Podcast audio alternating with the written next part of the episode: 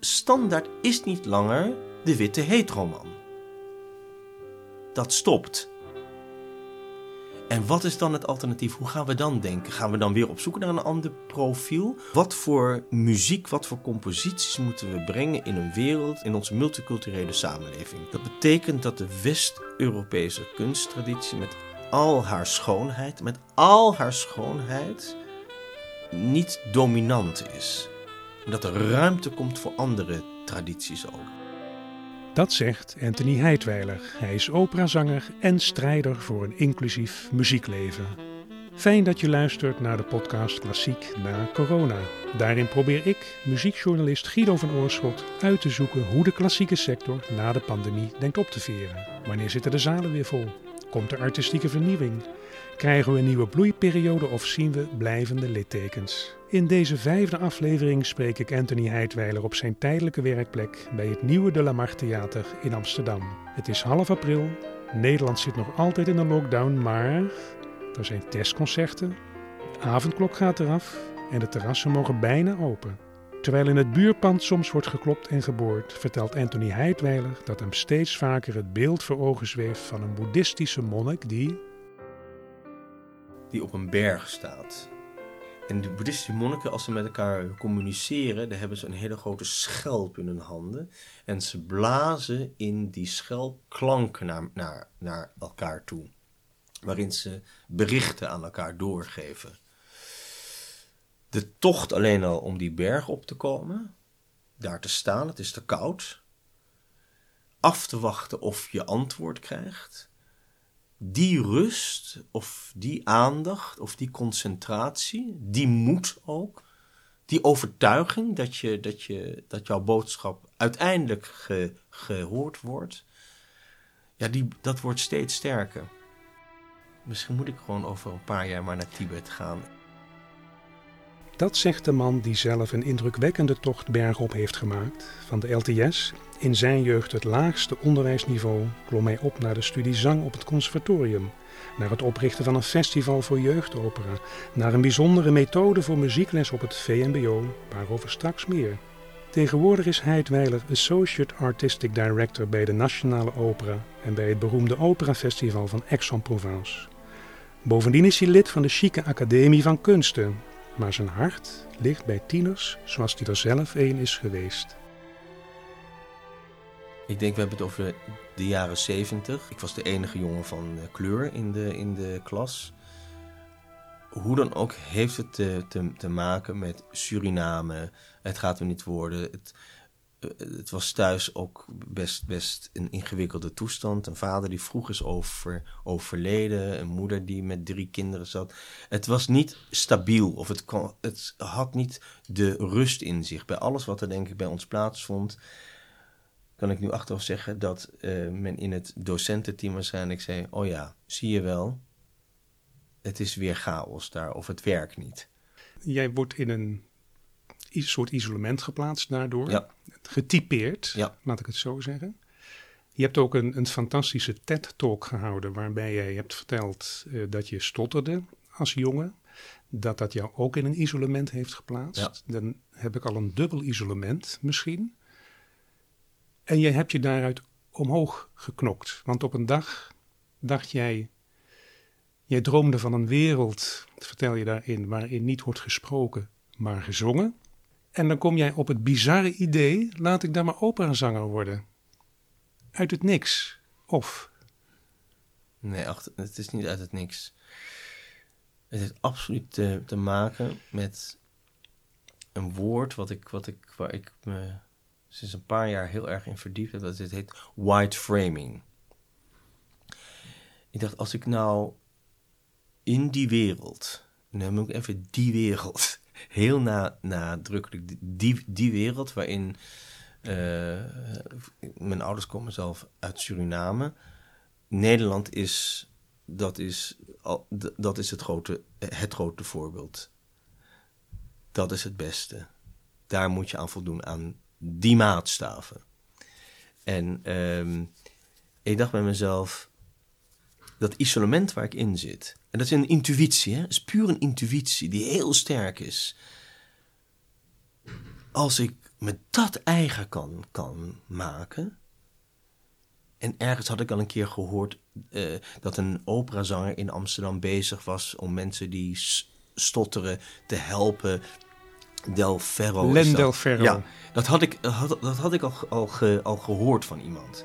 Dat als ik dat nou weet, weet te bereiken, dan kom ik in, dat, in een groep terecht waarin ik misschien intuïtief al voelde, dat kan ik een verandering veroorzaken. Ik kan bijdragen om een beeld te veranderen.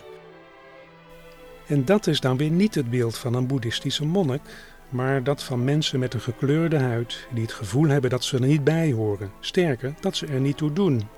Tijdens de lockdownlente van 2020, nog eens versterkt door de dood van George Floyd, werd eigen achtergrond opeens pregnant. Wat, wat, wat was een belangrijk ding van de hele Black Lives Matters organisatie?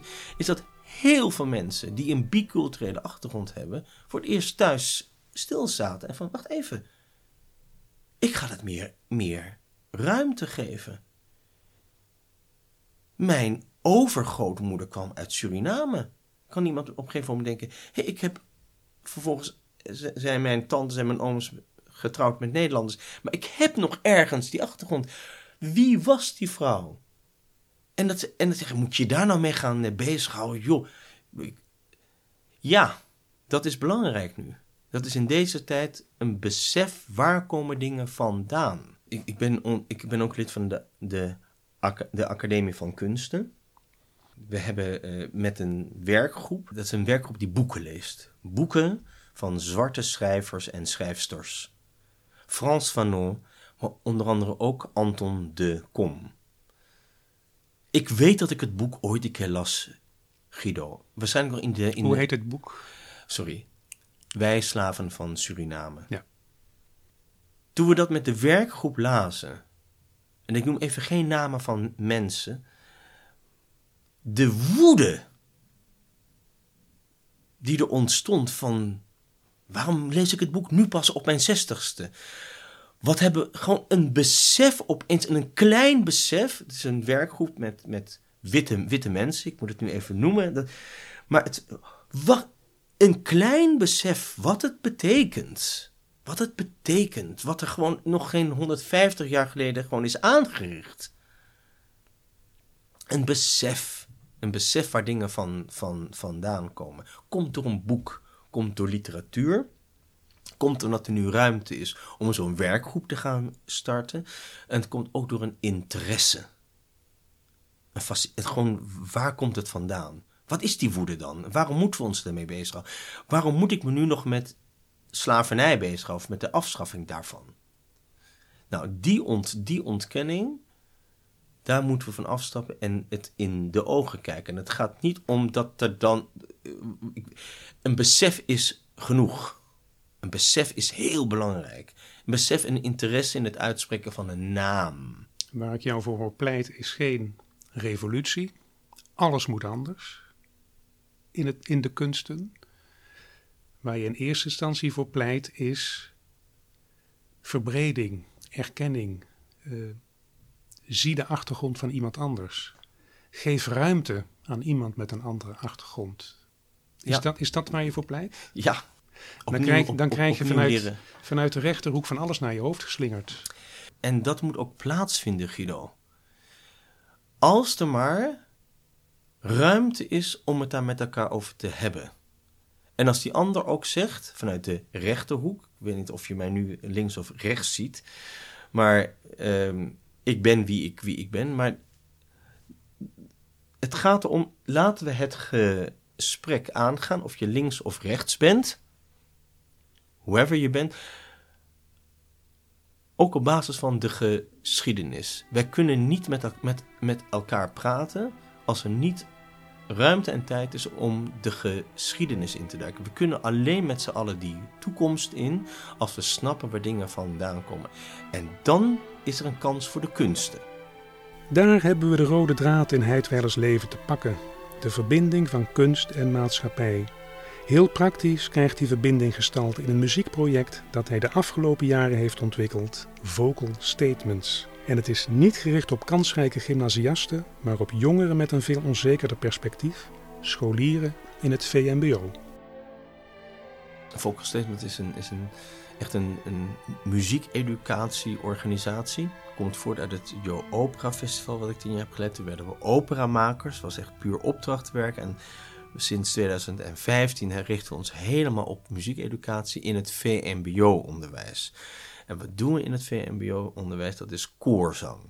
Tot aan de uitbraak van corona zongen wij in, scholen in, in Utrecht, VM, VM, over het algemeen VM, VMBO-scholen, maar ook een paar VO-scholen, maar de concentratie ligt op het VMBO-onderwijs, zongen we met de leerlingen. En uh, dat resulteerde dan in een groot concert in Tivoli Vredenburg, waar zo'n 900 jongeren dan samenkwamen. En wat zong je dan? In de eerste plaats rep repertoire van een componist die wij hadden uitgenodigd om met ons te werken. En de eerste jaren werkten we samen met de Syrische componist Eem Ahmad. Het was in september 2015 dat ik uh, op YouTube een filmpje zag langskomen van een pianist die zijn piano naar buiten duwde en ging uh, in Aleppo als protest tegen de bombardementen daar. Die man heb ik weten te vinden in een asielzoekerscentrum in Wiesbaden uiteindelijk. Jij dacht, die moet ik hebben. Die, moet ik hebben. En die is toen een jaar artist in residence ge, ge, geweest in Utrecht. Met hem hebben we twee liederen ont, ontwikkeld. Met hem hebben we, hij is ook de klasse langs geweest. Zijn verhaal hebben we ook ge, gebracht naar de, de leerlingen. Waarom, waarom EM Ahmad? Wij zoeken binnen vocal statements naar wat voor muziek, wat voor composities moeten we brengen in een wereld, in, een, in onze multiculturele samenleving. Dat betekent dat de West-Europese kunsttraditie met al haar schoonheid, met al haar schoonheid, niet dominant is. Dat er ruimte komt voor andere tradities ook. Eem Ahmad vertegenwoordigt dat. Met zijn Arabische achtergrond, met de traditie, de muzikale traditie, dat, wat een cruciaal onderdeel van zijn leven is, heeft hij zich ook verdiept in de Europese muziektraditie. De piano en de viool. En daar heeft hij zijn eigen taal in ontwikkeld.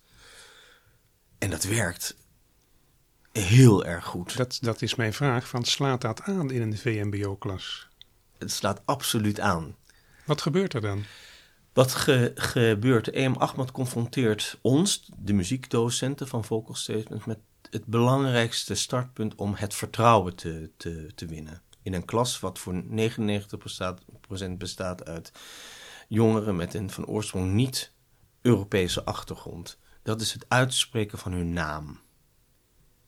Daarmee begint een les van EM Ahmad. Dus niet muzikaal, het begint eerst met het goed uitspreken van de naam van iemand.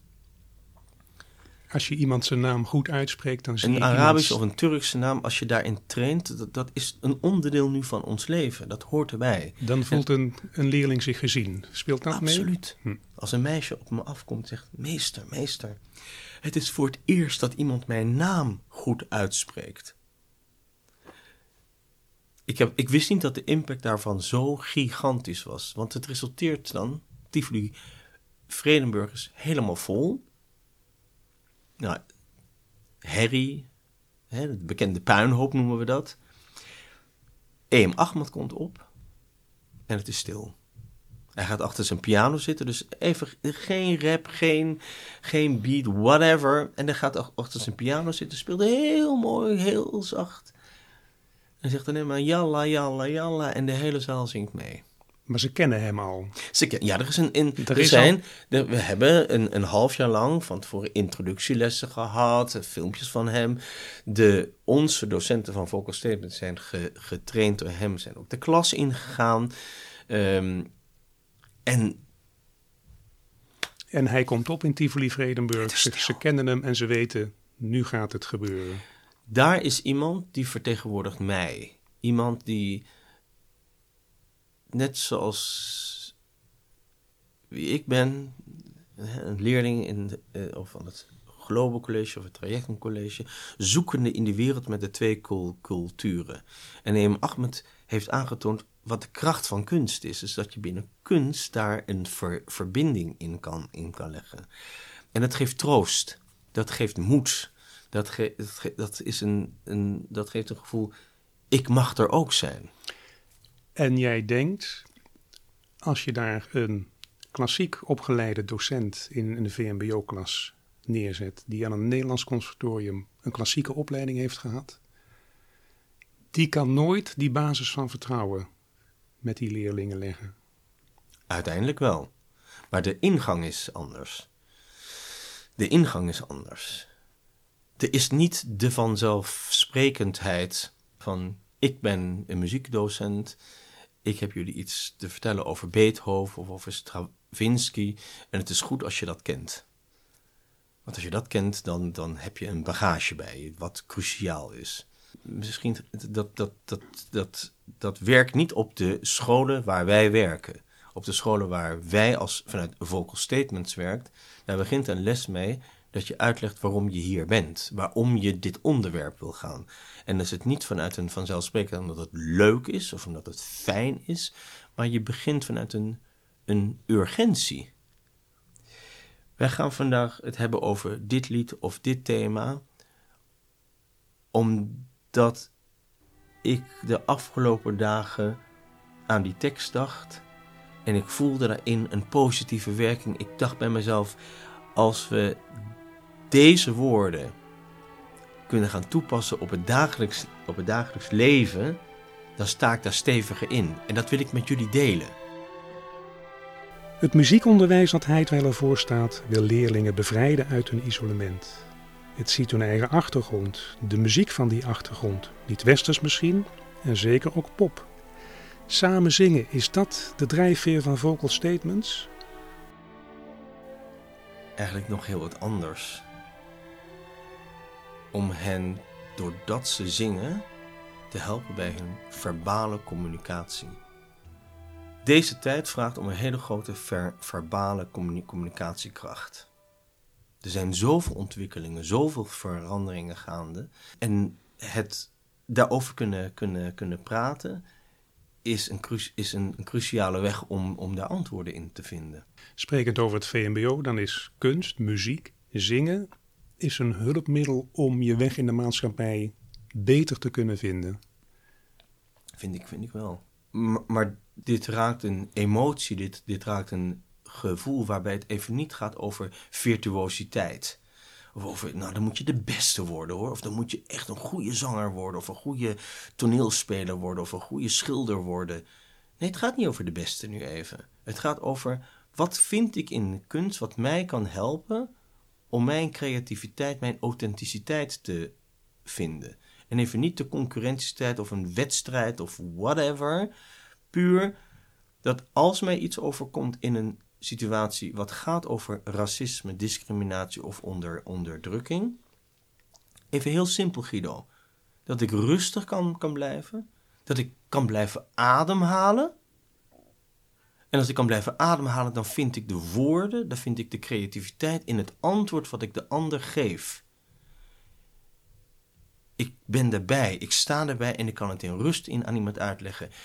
En als ik dat goed doe, en goed is natuurlijk ook niet de juiste uitdrukking niet, maar als ik dat doe op een manier die bij mij past, dan, maakt dat, dan kan dat indruk maken.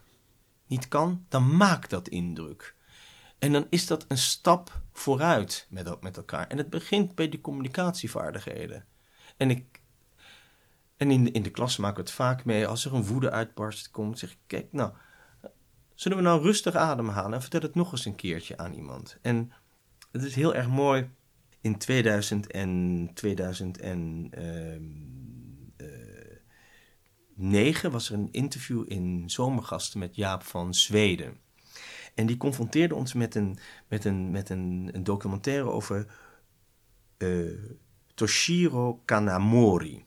Een Japanse leraar die les geeft op een, uh, op een, op een basisschool in Japan.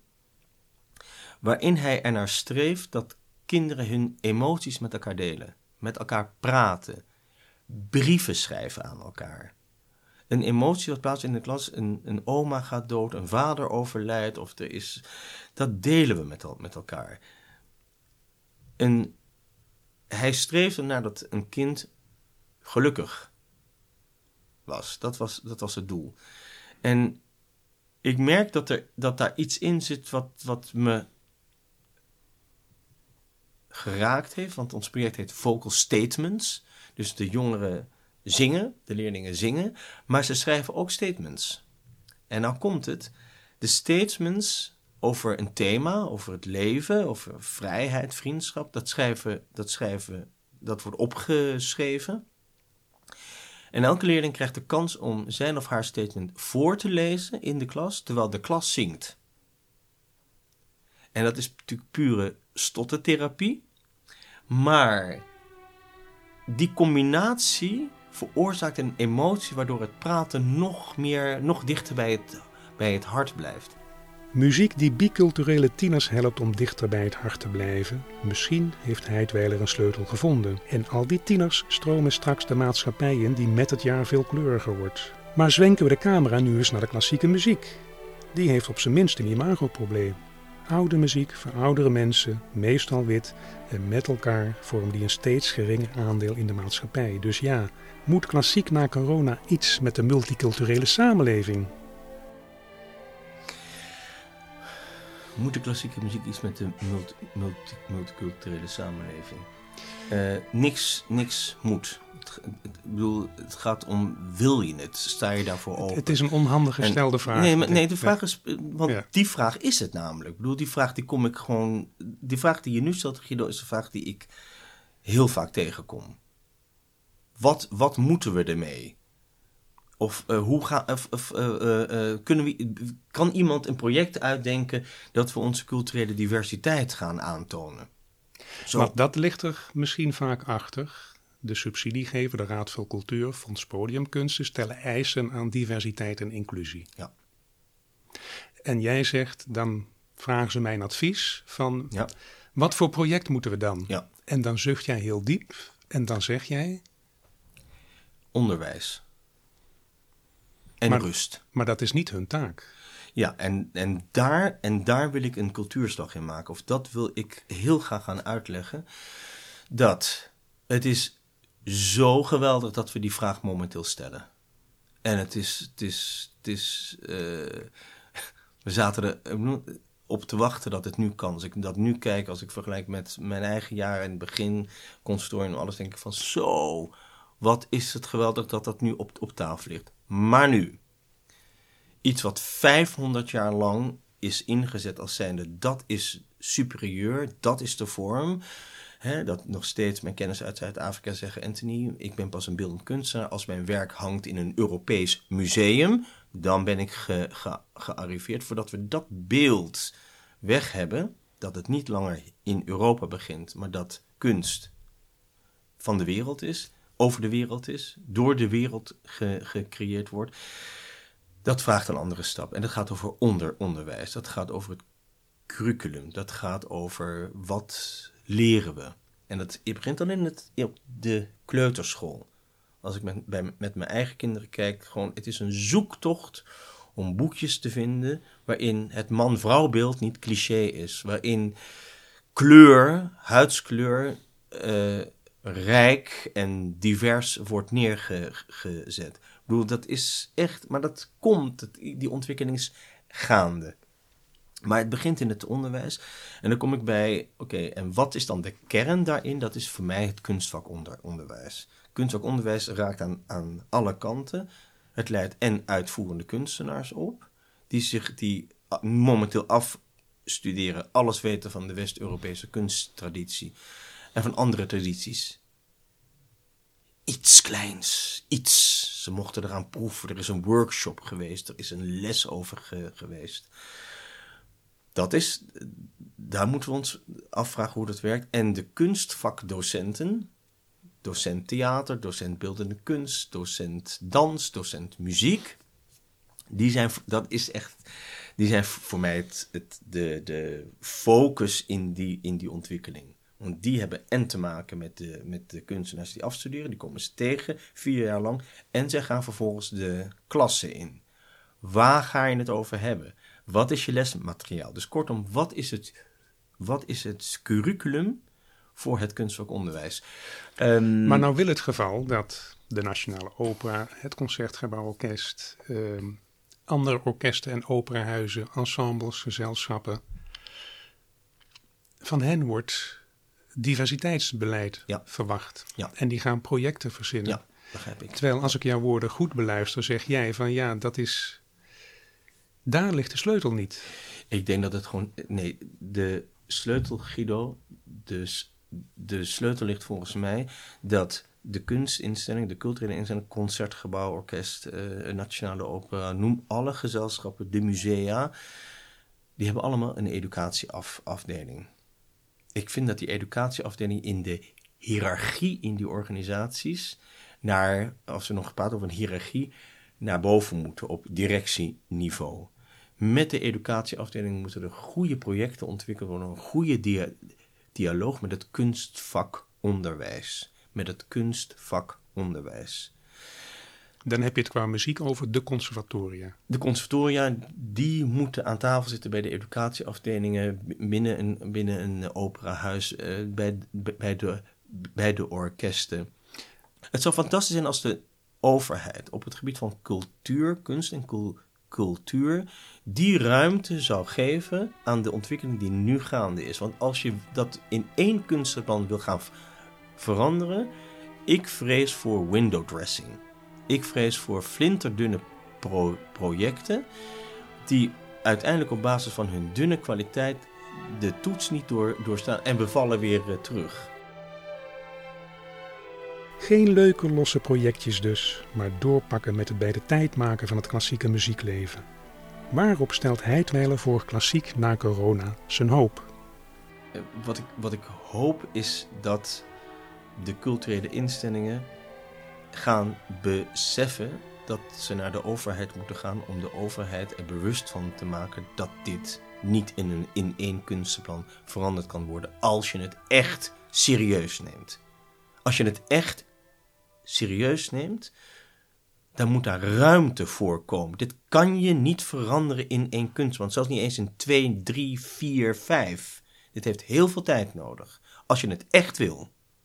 Als je het echt wil. Dus dat besef van urgentie en niet om de verandering. Het gaat niet in de eerste plaats om de verandering. Het gaat om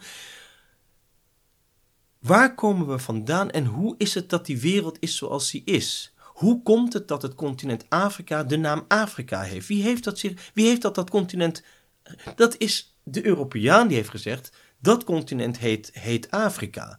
Het is een, een bewustzijn waar we momenteel staan. Dat creëert deze tijd echt. Een bewustzijn.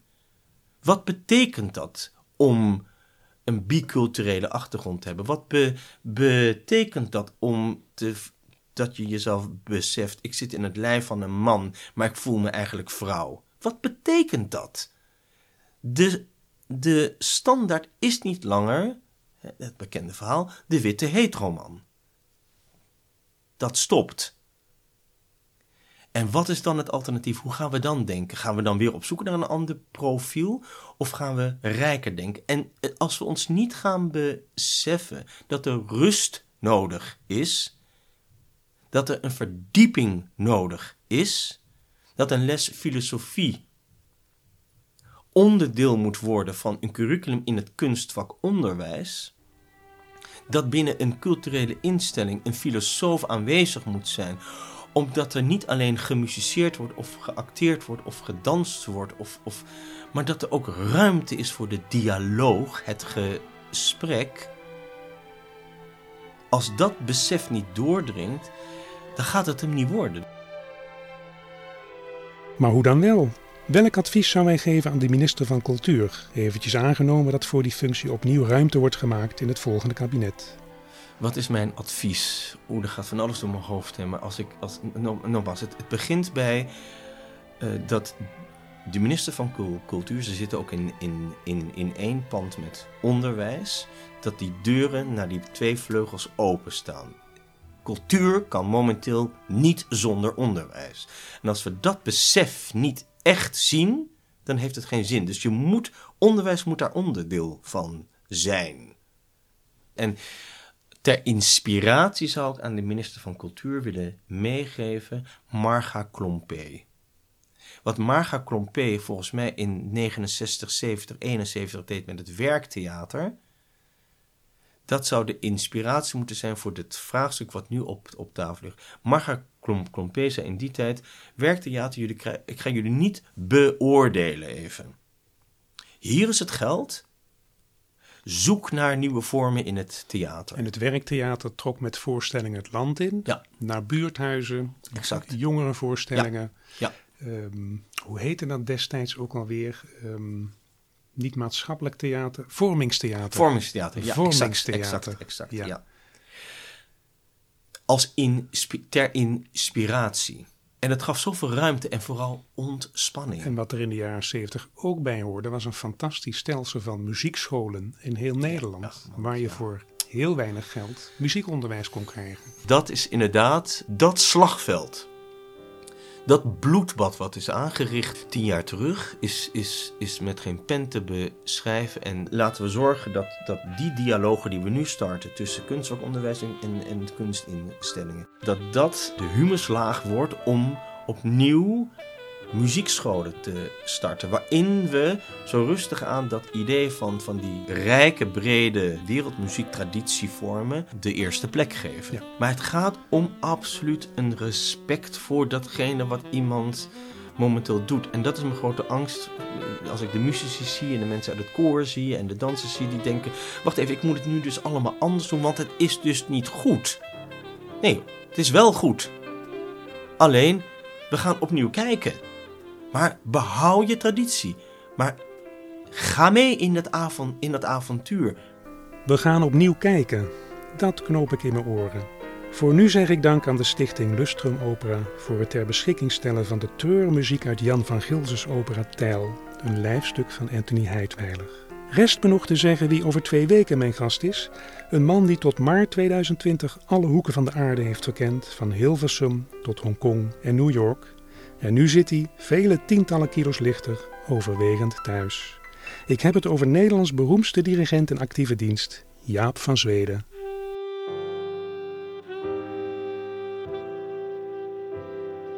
Dank voor het luisteren naar de podcast Klassiek na corona. Hebt u een vraag of een opmerking? Stuur een berichtje naar de. U kunt me ook volgen op Twitter, de hand van of via mijn weblog dehandvanguido.blogspot.com.